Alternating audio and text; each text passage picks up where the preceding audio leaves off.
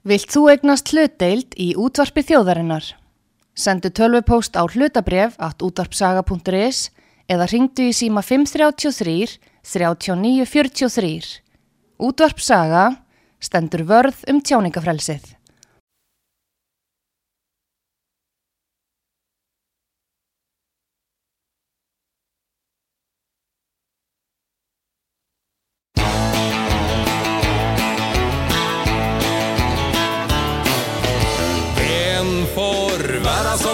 Hverdagen ikke vart som en sku.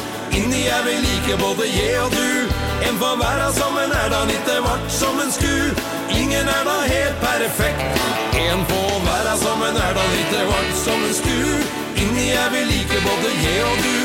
En får være sammen er hverdagen ikke vart som en sku. Ingen er da helt perfekt. Er du ikke helt fornøyd Med det skaperverket ga deg Skal du slå ifra deg alle tanker omkring det? For det er nå alltid sånn Det fins noen som vil ha deg. Du må bare la deg selv få være litt i fred. En får være som en er da litt vart som en sku. Inni jeg vil like både je og du. En får være som en er da litt vart som en sku Ingen er da helt perfekt. En får være som en er da litt vart som en stu Inni er vi like både je og du. En får være som en er da litt vart som en stu Ingen er da helt perfekt. Se deg rundt så ser du snart En med enda større nasa. Større enn din egen. Den du lett bytta bort Men om Skal du slutte med å mase. Jeg spør deg uten nasan din Hva skulle du da ha gjort? En får væra som en er da litt vart som en sku. Inni jeg vil like både je og du. En får væra som en er da litt vart som en sku. Ingen er da helt perfekt. En får væra som en er da litt vart som en sku. Inni jeg vil like både je og du En får være som en er da litt vart som en sku Ingen er da helt perfekt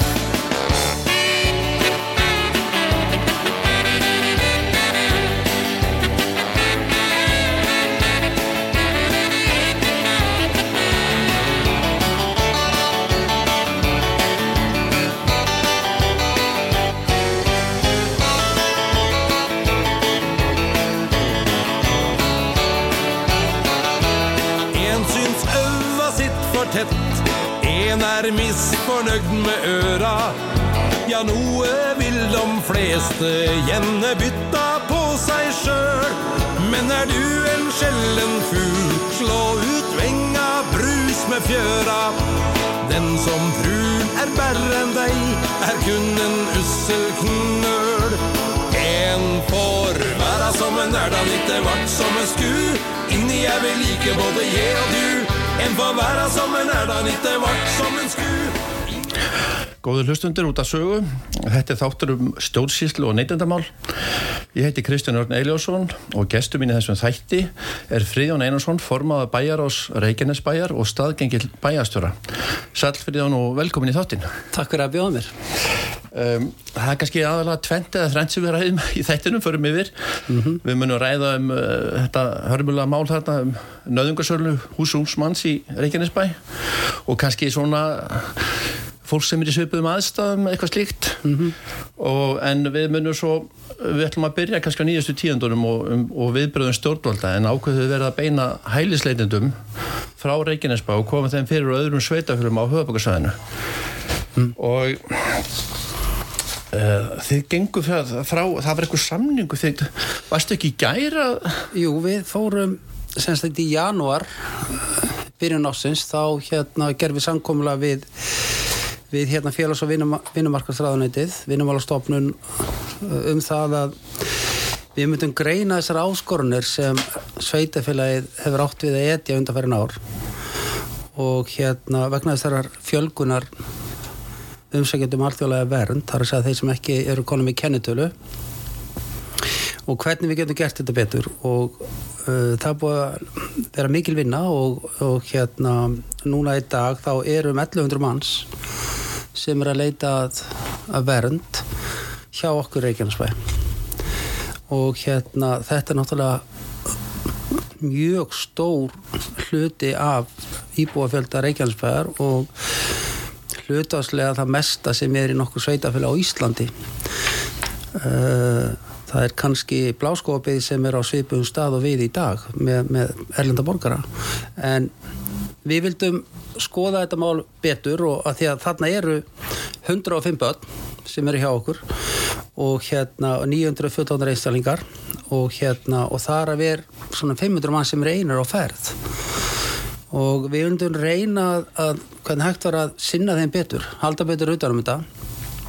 Og það var sett í gang mikil vinna hjá ríkinu í samstarfi við okkur. Og þetta aðalega verið vinnumálastofnun og Reykjanesbær. Og þetta endaði með samkomleikja er nýðustöðum um, um aðgerra áallum sem hérna hefur núna verið eh, kynnt og sett út á neti. Þetta eru 16 þættir sem hérna þar eru laðið fram og fyrsta hugmyndin í þessu er svo að, að fækka umsækjandum um vernd í Reykjanesbæ. Það var skilirði hjá Reykjanesbæ að, uh, að það yrði að fækka búsettum umsækjandum í Reykjanesbæ og uh, við gerum þá kröfu að, að ef ætti að vera eitthvað samkómulagi áfram að það er í fyrsta skrifi þannig að það er stemt að því á næstu mánuðum og er þegar hafið að fækka, fækka hjá okkur og uh, þessi hópur sem fer sumir fara heim, aðrir fara þá á höfbrukarsvæðið og, og við um land. En uh, ríkið hefur kannski ekki verið með mjög skýra stefnu í þessum álaflokki kerfi kannski gætt höndlað 3, 2, 3, 400 manns. En þetta er náttúrulega tífalt og jafnvel meira en það sem hefur komið yfir okkur á síðust ár þannig að við þurfum að gera eitthvað. Um, því miður að þá hafa sveitafélagun í Íslandi kannski ekki bröðist náðu hratt við. Og hérna við höfum aldrei setið uppi með þennan málaflokk en Reykjanes væri búin að vera í þessu að taka móti hælisleindum í 20 ár. Þannig að við höfum kannski langmestu reynsluna á Íslandi í þessu. Telum okkur að hafa gert mjög vel og, og, og hérna, hugsa vel um fólkið. Uh, nú er ríkið að setja mikla fjárminn í þetta. Og þetta er einhverstaðir kringu 600 miljónir sem fara í þennan málaflokk hjá okkur vegna þessara hælisleginda og uh, þannig að það er spennandi virkilega og ég er stoltur að Guðmund Ingar á þeirra hvernig hann hefur tekið á þessu máli með okkur. Og líka það að við kenna að það hefur gengið á langt hjá með gákvært eh, íbúið með Reykjanesbæ. Um, uh, Íbúið á Reykjanesbæ þeir eru um hvað, 22.000? Já hvað er þetta mörg prósent sem að sko og ellendum uppruna í bænum eru hvað, þreyðungur eða ekki? Þetta er um 4,5% af 4,5% af hérna, íbúafjölda eru umsækjendur og við erum að skrýða yfir 30% íbúa bæjarins eru ellendumbergi brotnir. Þar að veru langstæsti hlutin uh, uh, sem kom að hinga uh, frá Pólandi og hafa verið frábær viðbótið í samfélagið.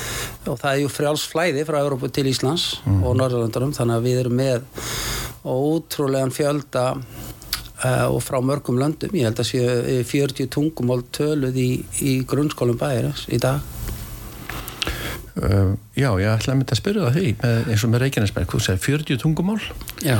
hvernig uh, kemur það eða kemur, kemur það ekki svolítið niður á skólastarfunu þá og, og svona er ekki erfitt að vera með aðstofið svona uh, marga sem tala mörg tungumál?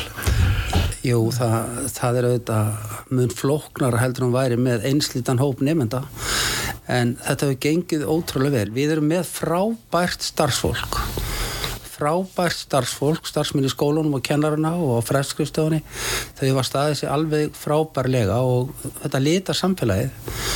Og hérna og mest að því er bara mjög gott. Við tökum til að mynda eftir því að glæpir eru ekki að fjölga í Reykjanesbæ, alls ekki.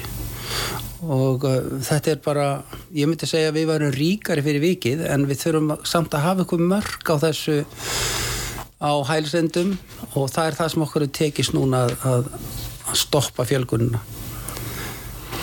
Um, ég reyndi nú yfir hann samning eða engangin uh, var ekki sko var ekki þannig að uh, þetta er samningu við, við önnur sérst, samstar sveitafélaga Já, við, uh, þessi samlingur er bara við Reykjanesbæ og það er verið að taka í nótkunn núna stórt húsnaði upp á Ásbrús sem er nú þekkt undir nafnuna Officerklúburinn sem er heita klúburinn núna sem verður miðstöð fyrir, fyrir hælslendur eða umsækjendur um alltfélaga vernd þar er verðar upplýsingar viðtalsherbyggi skóli fyrir börn á grunnskólaaldri.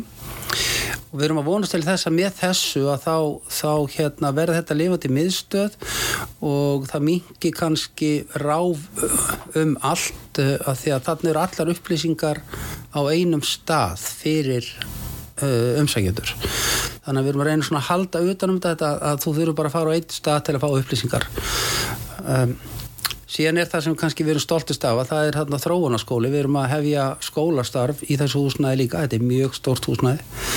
Þar sem við erum að kenna börnum uh, sem eru núna yfir hundrað uh, saman við Hálitskóla sem hefur verið alveg ótrúlega framsýn skólastjórnum þar og kennarar og starfsmenn uh, að sinna þessum börnum. Og nú erum við í samfunni við ríki að hefja það sem heitir þróunarskóli á, í, í klúpnum og ætlum að reyna að taka eins vel á móti börnum eins og við getum og menta þau og búið undir framtíðina. Og með þau eru hérna. Síðan vitum við náttúrulega ekki hver er fá hæli og hver er ekki.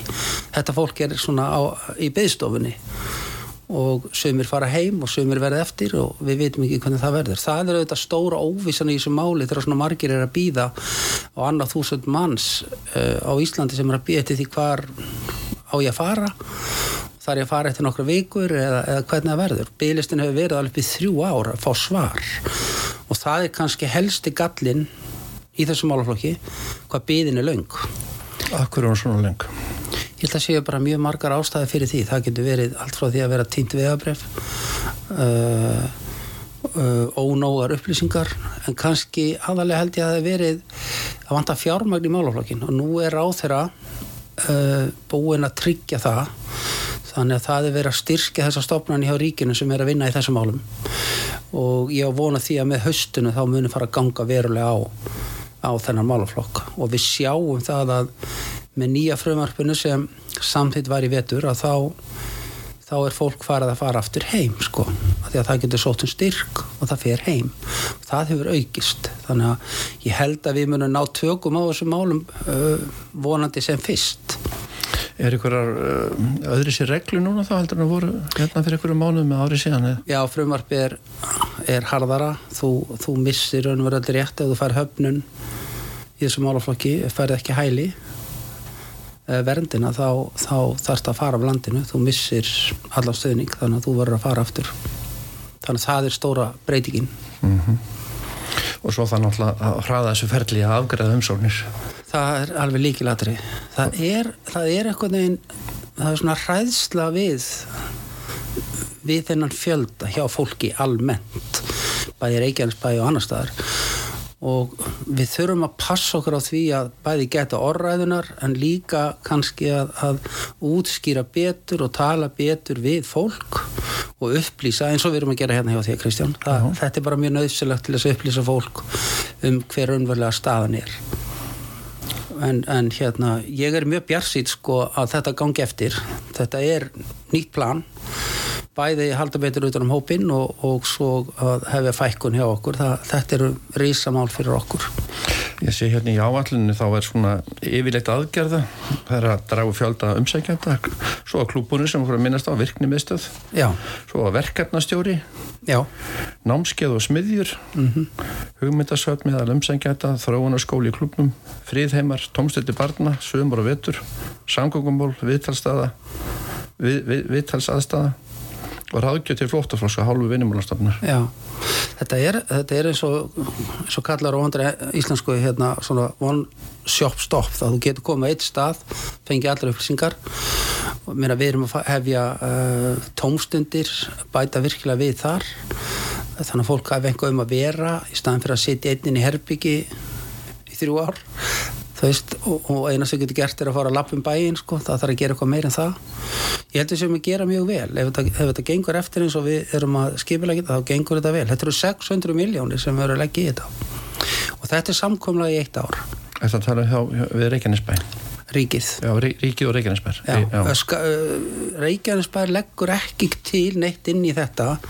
Þetta er málaflokkur sem tilhörir ríkinu og við má segja við séum svona samstarfsaðila með þeim í verkefninu. En við erum ekki að leggja fjö í þennan málaflokk uh, frá skattpenningum, það gerum við ekki. Það, það, svo það sé alveg skýrt sko. við erum ekki að, að ríki sem kostar all, þessi verkefni og ef Reykjanesbær er að vinna eða gera eitthvað uh, í þessu málaflokki að þá borgar ríki sveitafélaginu aftur á móti að þá lendum við í því eins og þú hefur auðvitað heyrt af að, að innviðinir okkar sundlaugar, bókasap skrifstofur eru mjög ásettnar af fólki sem er að leita upplýsingum eðlilega. Og þess vegna kölluðum við á ríkið að hjálpa okkur að þetta gengi ekki upp. Þetta væri á kostnað annara og við varum að bera kostnað vegna þessa sem okkur fannst ekki sangjant þess vegna fyrir við þessa greiningu og þetta, þetta samtal sem er að skila þessu núna sem er bara mjög jákvægt sko. Þannig að þið eru um, komin með mikla reynslu að þessum málu þannig að þið sem geti gefið öðrum sveitafjölum eða ekki, þið kljóttu að vera Jú, við, við teljum okkur vera sérfræðinga á þessu sviði, það verður bara að segjast eins og er Já. það er frábær starfsfólki í þessum málaflokki og, og, og velferðarsviði hjá okkur og um, mér hefur alltaf fundist sorglegt hversu sveitafélagin hafa verið lengi að ganga til samstags við ríkið í þessum málaflokki. Og sér það í samanburði að þá, þá er eitthvað annar hundra manns í Kópavogi og 500 manns í Hafnafyrði og þetta eru sveitafélag sem eru helmikið starri en Reykjanesbær. Og þetta er mjög óeðlilegt. Uh, ég hef talið nöðsilegt að, að setja lög þannig að sveitafélag eru skuldbundi til að taka móti fólki og, og hérna en það held ég að því miður að ríkistöndin sé nú ekki alveg að sé ekki stuðningu við það sko. Nei, nei. en við höfum bent á það sé kannski eina lausnin. Þannig að allir taki þátt sko. Að sveitafélag geti ekki bara hafnað. Að því að vinnumálastofnun hefur beitt þeim úrræðum að leia húsnæði þar sem það er til eða þar sem það er löst og ég skil alveg einstakling sem á húsnæði að leia ríkinu það er bara eitt reikningur á, á mánuði í staðan fyrir að reyka hótel eða gistiðastöð eða eitthvað annað, þannig að ég skil það vel eða heila blokk. Er örygga greiðslur? örgar greiðslur. En, en aftur á móti erum við núna búin að stoppa það að, að ríkið kom inn til Reykjanesbæður og leiði eitthvað húsnæði. Það er búin að stoppa það án okkar vitnesku, það er, það er hérna ekki gert lengur. En uh, uh, það hefur ekki verið leikt ný, nýtt húsnæði í Reykjanesbæ í, í marga mánuði samlingarnir sem eru í gildi núna eru, eru, eru búið að gera fyrir þó nokkur síðan en auðvitað eru alltaf einhverju einstaklingar sem vilja lega ríkinu það, það er bara eins og það er sko. við getum ekki stýrt því Hefur þið leiga ekki hækkað þá? Tölvöld í Reykjanesbæ? Þannig að frambóðu eftirspurn? Jú, það er sko, Sveitafélagi Reykjanesbæ hefur stækkað um 50% á okkur um 8-9 árum. Það er ótrúlega vöxtur í sveitafélaginu Uh, síðustu 12 mánuði held ég að við höfum fjölgað um 2000 manns. Það er ekkit sveitafélag í Íslandi sem hefur séð svona stærðagráður áður. Og þetta er búið að vera raun og veru ef við horfum tilbaka alveg frá 90 og eitthvað þá er búið að vera svona ör fjölgun hjá okkur meira heldur en öllun sveitafélag í Íslandi það lítur að vera ástæði fyrir því. Það lítur að vera gott að vera Já. En með allan að fjölda og, og hefur þetta verið eitthvað íþingjandi fyrir sveitafélagið eða, eða fólki sem, Íslendingarna sem búa þarna fyrir því nú er mikið útlendingu sem koma þarna og, og umræðan kannski stundum verið neikvæð? Já. og hvernig, þú getur sagt svona kannski kostu og kalla?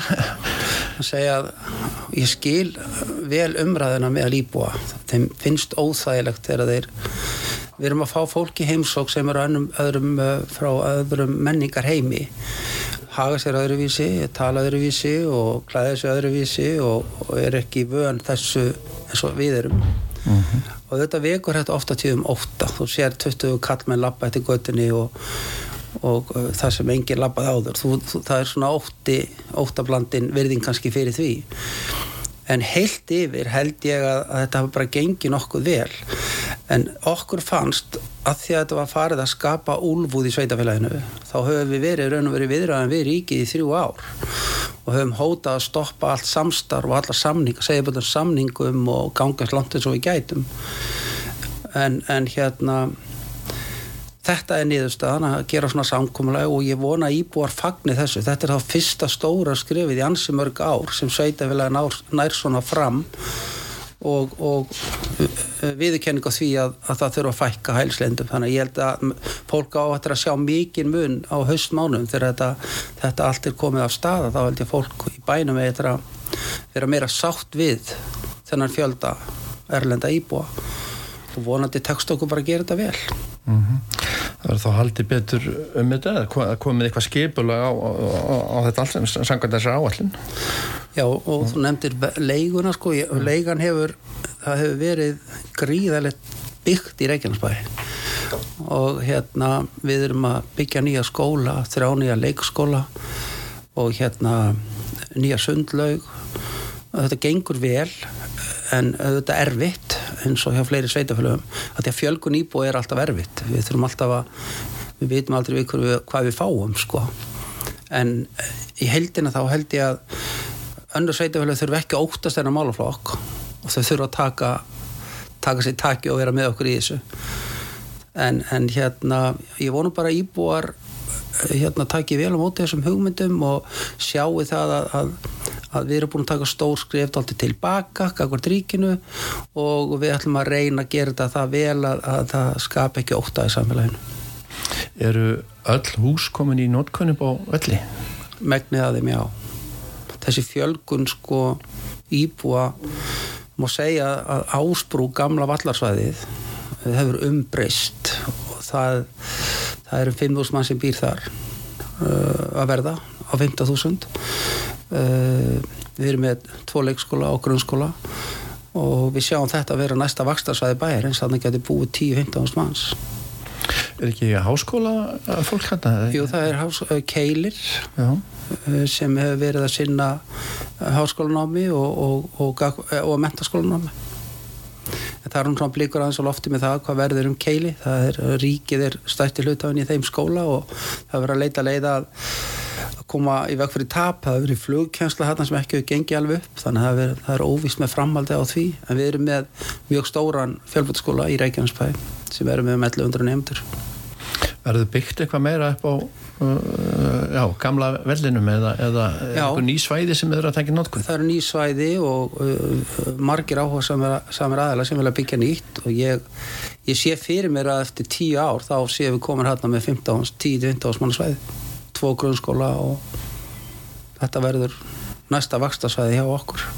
Það er ásprú og fyrir þá svona okkar aldri sem þekktu fórum í flug fyrir 90 eða fyrir 87 þá þekkja menn valla svæði í dag. Þú, það er búið að rýfa megnað því sem myndið á gamla dag maður saknaðist, ég fyrst hundum hann uppið sko, maður saknaðist þegar maður fór í gegnum hliðið og, og, og fór svo á gömlu, gömlu flugstöðuna maður eftir þessu var fórst á barinn? Já, það, var, það var svo bjórið maður bannaður og maður komnir í annar ríki þú voru konum á völl. Þetta var mjög sérstatt samfélag.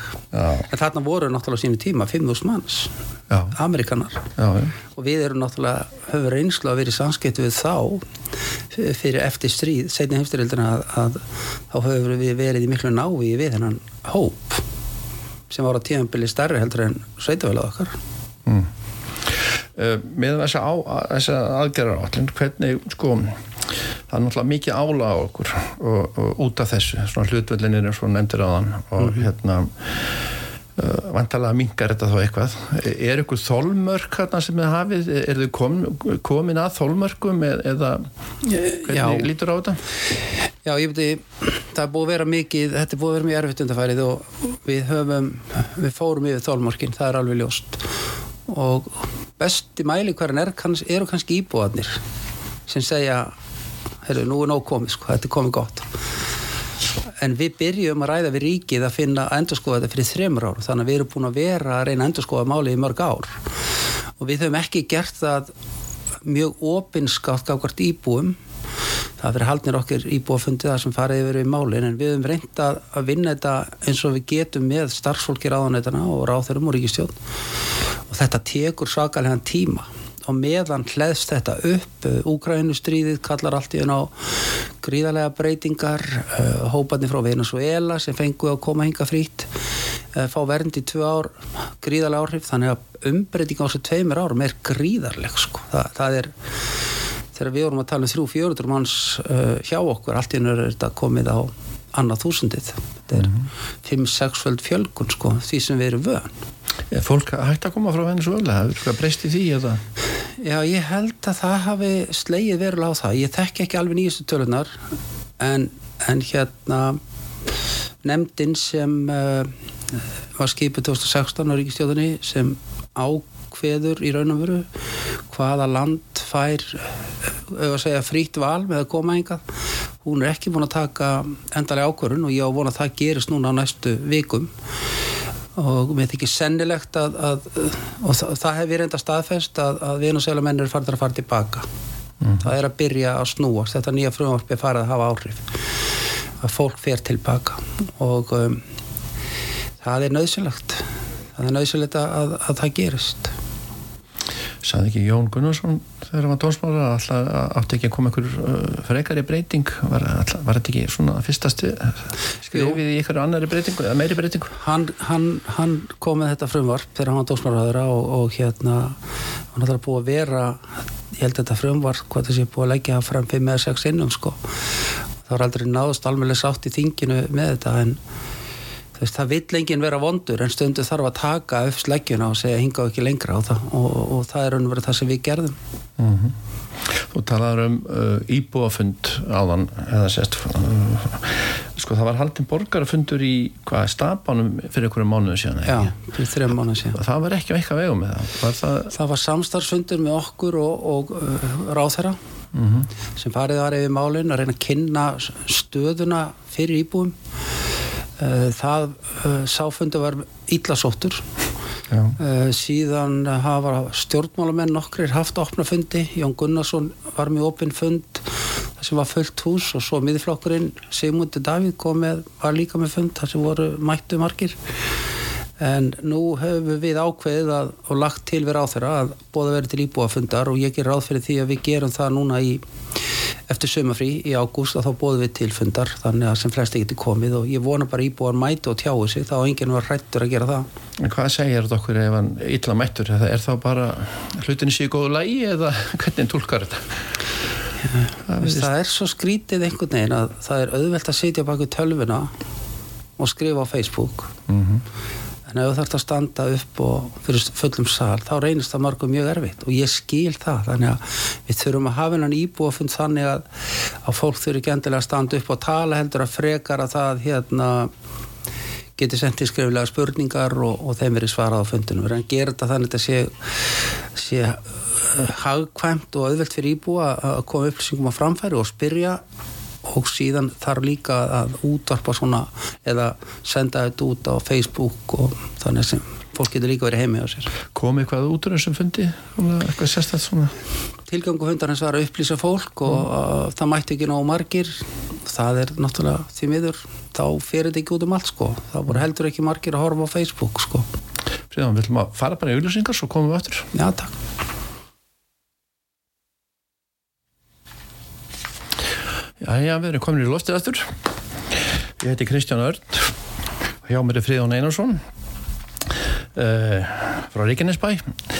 Uh, uh, við vorum að tala svona um, um hælisleitundur og, og, mm. og samningin, þessi aðgerra áallin sem að og samningin sem við gerðum vegna dvalar umsækjandum alþjóðlega vendi Reykjanesbæ og við, við vinnumálastofnunar er eitthvað svona kannski lókin til þess að tæma þá umræðu sem þú vilt segja? Já, kannski Ég sagði á þann að mælistikan á, þegar þú spurðið mig hvort að við vorum komin yfir ykkur þólmörk, þá er mælistikan uh, íbúar sveitafélagsins. Og þeir hafa verið dögulegir að láta okkur vita uh, að þetta sé of mikið og, og hérna, þetta fara að hafa áhrif á lífólks, þannig að við vissum það og, og áðurum til þess kom þá háið þessa vinnu fyrir rúmum þreymur án síðan. Og aðal markmið með þessari þessu samkómulagi, þessari aðgjör áallun sem við vorum að ganga frá er fyrst og fremst að draga úr fjölda umsækjata um alþjóðlega vernd sem dvelja í Reykjanesbæ. Og það finnst mér vel að vera aðal atrið í þessu að við séum að ná því að fækka umsækjatum hjá okkur í Reykjanesbæ. Uh, og síðan hitt að gera vel við þá sem eru hjá okkur og meðan þeir eru hjá okkur og ég vonast til þess að það takist hérna takist með þessu samkomlega Já, ef við færum okkur þá breytum um umræðefni ræðum kannski aðeins um uh, nöðungarsóluna á húsi ungsmanns í Reykjanesbæ sem hefur verið til umfjöllunar í, í þessari viku. Mm -hmm. og þetta er mál hens 23 ára gamla Jakobs Polkovskis.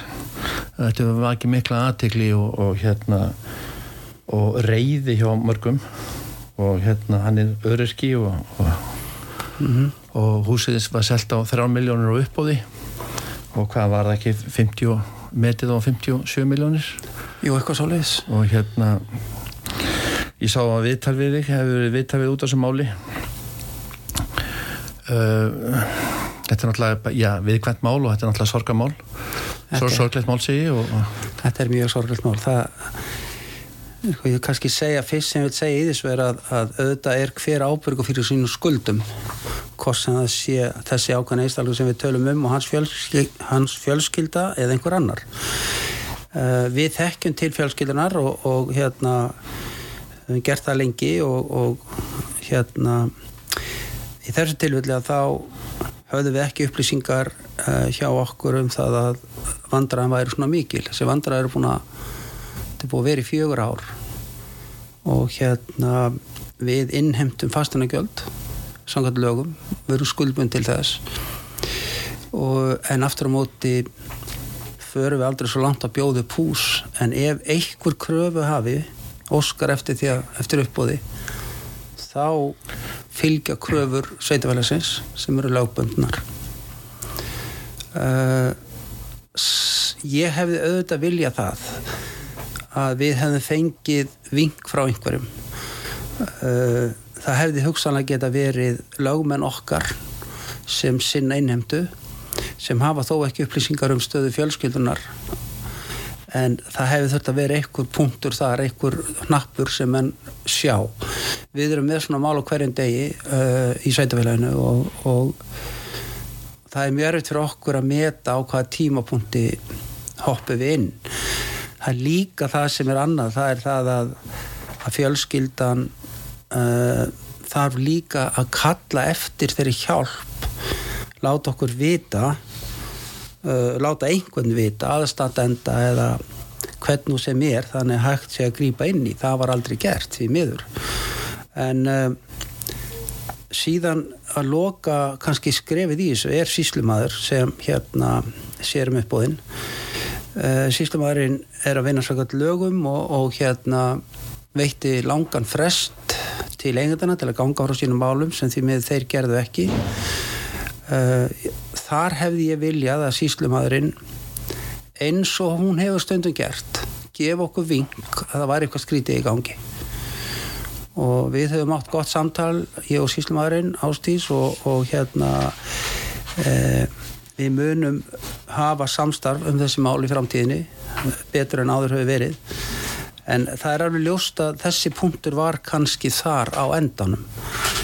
En þetta er alltaf spurning um siðferðið uh, hvar á að stoppa. Og því miður að þá, þá var eignin seld í september í fyrra. Og fjölskyldan hefur síðan búið í eigninni síðan og sáðæli sem kefti hann hefur greitt skatt og skildur á íbúinu síðan. Þá má segja að þau séu búin að vera þarna í uh, kostnaðalaus allan að tíma.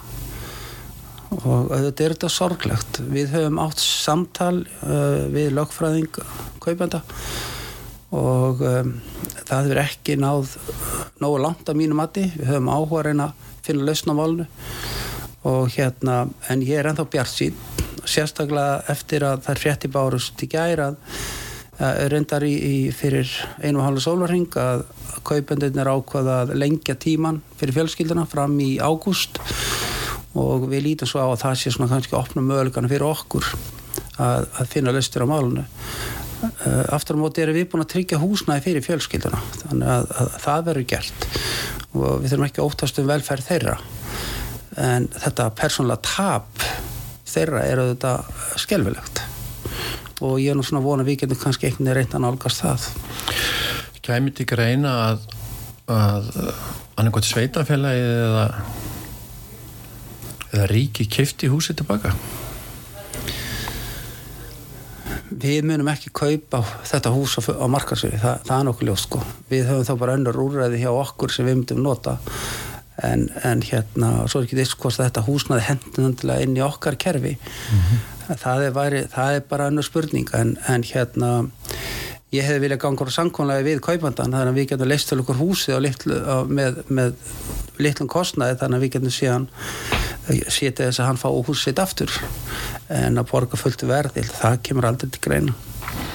Uh, Ég hef séð í viðtölum við því þú segir sveitafélagið ekki haft neina aðkoma málið þessa manns sem misti húsitt Já, ekki að, að, að, ekki að þessum fjárhastæruleikum hans Það voru ekki þrýr, þá, sko, nú er hann annars vegar lögveð og svo samningsveð. Já. og það voru engin samningsveð sem kvildi á húsinu. Þetta, þetta eru lögveð Já. sem hafa þá forgangi og, og, og sko og það var þarna Háis Veitur skils mér Já, og, og tryggingamál, vís og, og svo sveitafélag og þeir innnemti það, sko þurfum við innnemta fastanagjöldin og þeir útvisti því vantala til lögmastofu út í bæ. Já. þannig að þess vana kannski er eins og segi þessi lögmastofa veit þó ekki um kannski félagslar aðstöður eða eitthvað slíkt Nei, hún gerir það ekki. Því miður sko þannig er kannski eitthvað sem við þurfum að endur sko hjá okkur. Hvernig sko, þurfum við að setja einhvern hópfólks á okkur válista ég veit ekki hvort þetta hefði farið í blöðin ef að ákveðlunda hefði verið 50 miljónir sko. Þá veit ég ekki hvort einhvað, hefði gerst sko. Uh, þetta er sjálfstætt fólk sjálfstæðan fjárhag og hérna þau ber ábyrð á sjálfum sér. Og það er engi sem grýpur inn í svona mál nefnum með þeirra samþykki Já, þú segir þetta svona þá ég er að velta fyrir mig sko uh, svona skildur uh, sveitafélagi, það er náttúrulega til lögum félagskonstu sveitafélagi Já. og svona skildur sveitafélagi uh, er engin svona frumkvæði skilda menn því að við frumkvæði á, á að kanna mál? Er beðið bara eftir að einhver tilkynni eitthvað eða komið til eitthvað og leita aðstóð því hafið ekkit frumkvæði því að fara kannski heim til einhver sem á bátt og, og getur illa séðum sig eða mætir ekki svo þessu tilvili, mætir ekki í, til síslumas og, og hérna. Það er alltaf áhugavert sko þurfum að nefna þetta því að við, við erum sveitafélag með lögbundaskildur og með málumni fallara og við erum með grunnskólan og ímislegt annað. Uh, sveitafélag á enga möguleika að gera hlutina fyrirfram nema við höfum vittneski um það. Vittneski um það að einhver sé í vandraðum og auðvitað eru starfsmenn okkar að grýpa inn í alla daga í málumni fjölskyldna í Reykjanesbæ.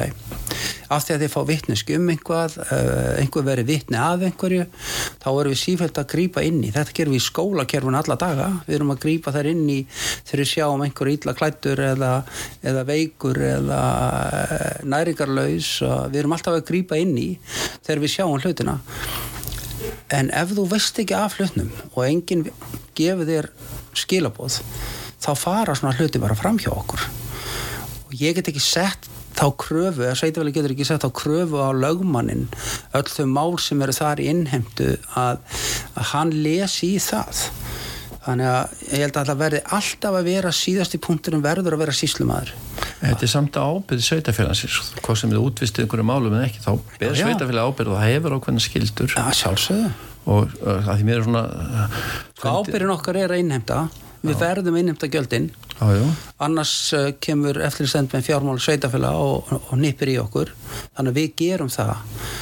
Uh, það myndir náttúrulega einhver segja eitthvað ef við hættum að innheimta gjöldin.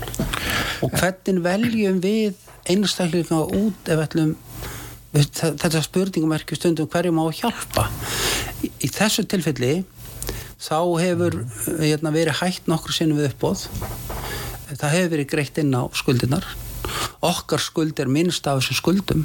Þetta er engin uppæð en hún fylgir sjálfkrafa því að þetta er lögverendað ég held að við þurfum einhvern veginn að finna aðra leiðir sem og eins og ég nú, nefndi þið áður Kristján að uh, ég er búin að standa í svona sjálfbóðvinnu uh, núna í 14 ára aðstofa fólki í fjárhásæruleikum og hérna Þú áttu við persónulega? Já, mjög persónulega.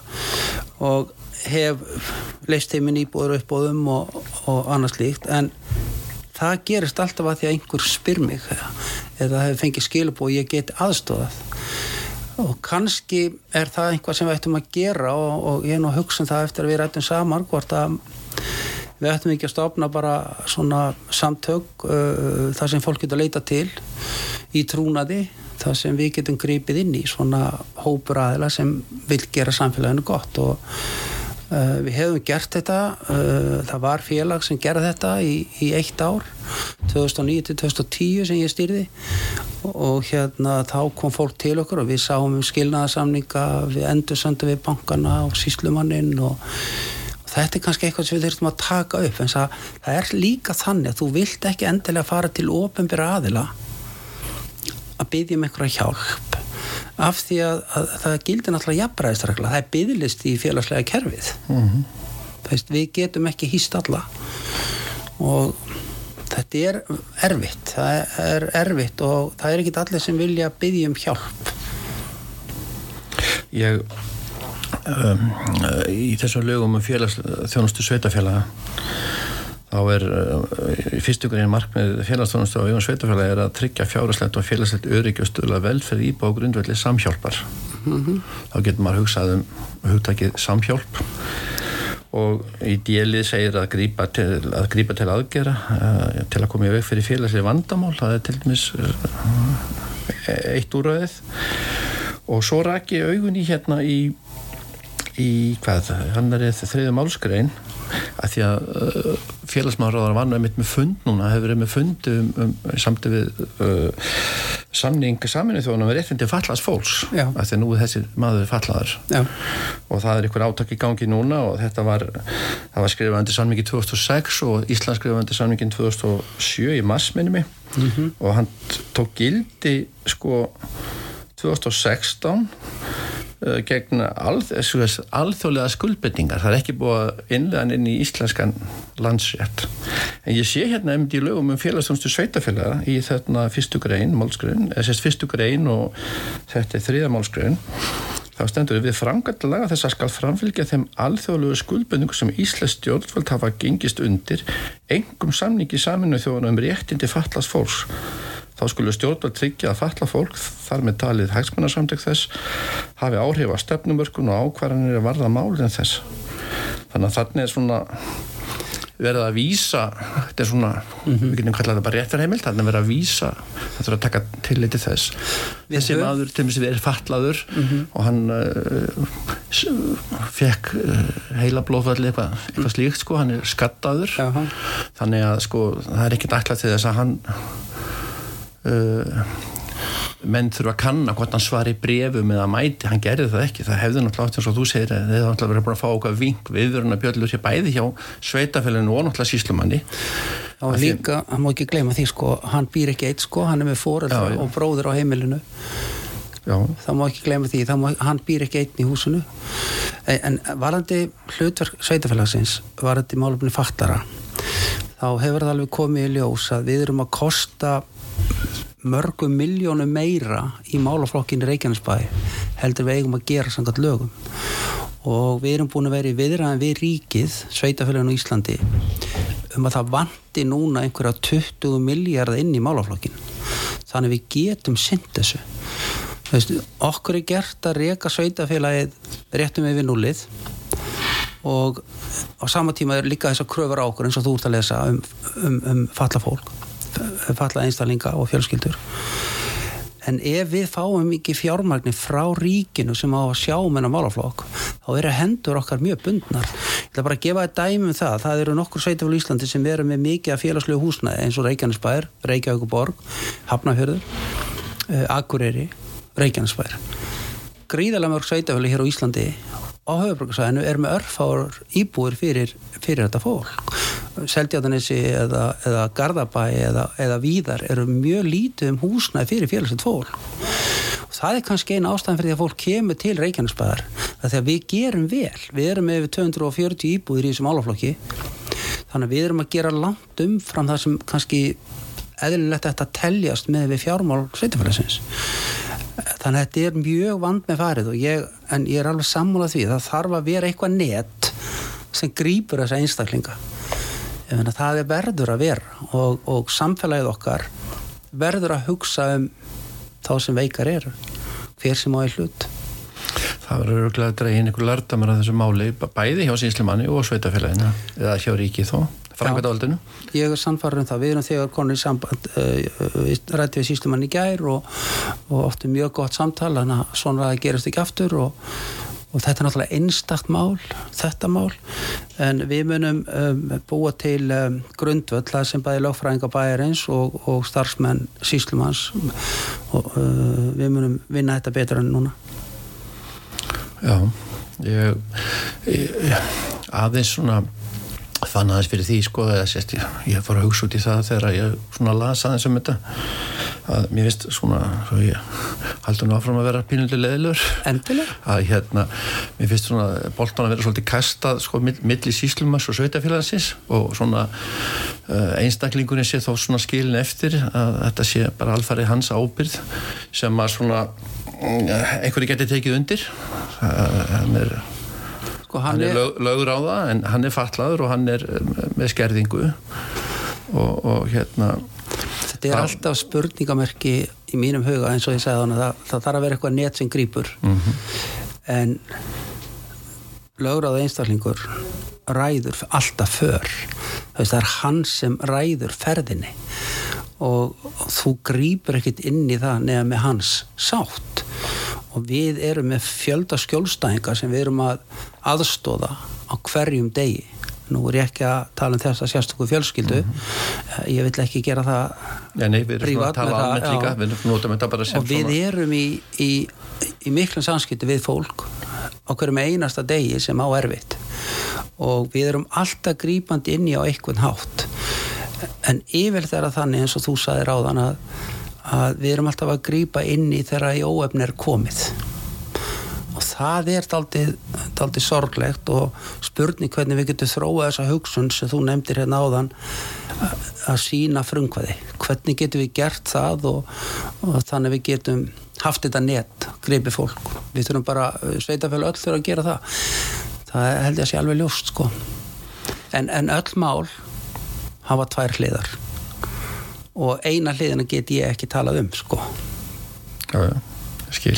Það er, það er auðvitað líka vandamáli umræðinni Svo, þannig að það verður örgulega tekið, það verður meiri sams, samstarf á milli, í, ef svona kemur fyrir aftur að það sé upp og, upp og það, það verður þá eins og þú kalla vink, það verður meira um Já. að það verður vinkað í framtíðinni. Það er þegar, svo vinnaði þegar hafinn Svona sí, símtölu og þess að ekki bara send bref því að nú, eh, nú, veit að menn kannski ekki sko hvort að bref berist í sumum tilfellum og hvort að menn hafi fengið þetta og það Það er nú, víst, það er nú staðfest að viðkvöndaðilar uh, vissu að máluna allan tíman sko.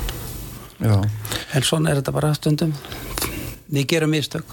Uh, Önnu sko fólk kannski hefur smá áhyggjur eftir sko hrunni 2008 Já.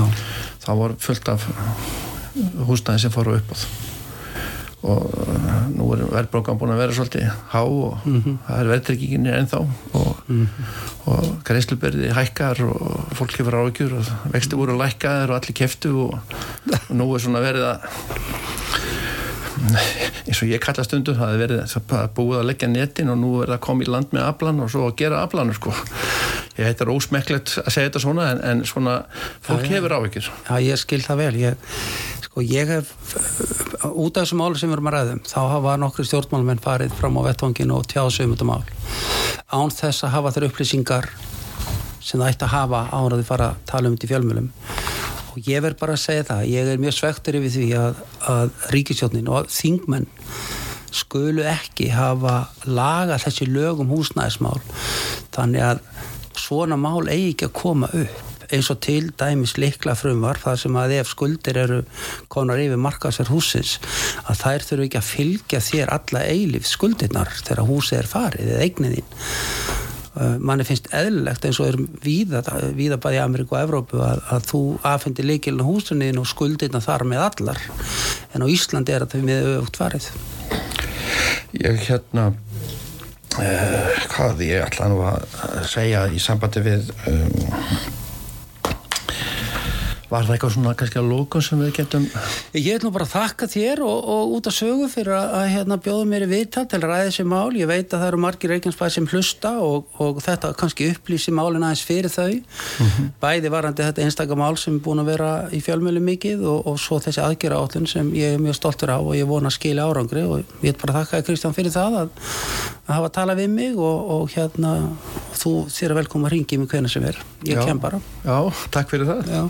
Og ef, ef þú myndir vilja gera þannig að hlustinni getur hringt inn þá get, getum við gert það líka hvernig sem er Viljast vera það, kannski eitt stutt í lokin. Þú sagðir að þingmenn sem gagnind hefðu við fyrir að Síslamans harlega ætti að líta sér nær Já. Hvað, áttu við með því? þau setja lögin þau setja lögin og mér finnst alþingi hafa staðið sér mjög illa í þessu að setja lögum húsnæðismál til að verða þá sem minna mega sín og lenda í vandræðum Þessum þættu um stjórnsýslu og neyðarmál því lokið í dag. Ég þakka friðunni eina sinni, formanni bæjar ás Reykjavíkubæjar og staðgengil bæ, uh, bæjastjóra fyrir komin í þáttinn. Kæra þakkir Bara einu sinni fyrir tæknimál og hlustandu fyrir hlustanduna. Verðið sæl.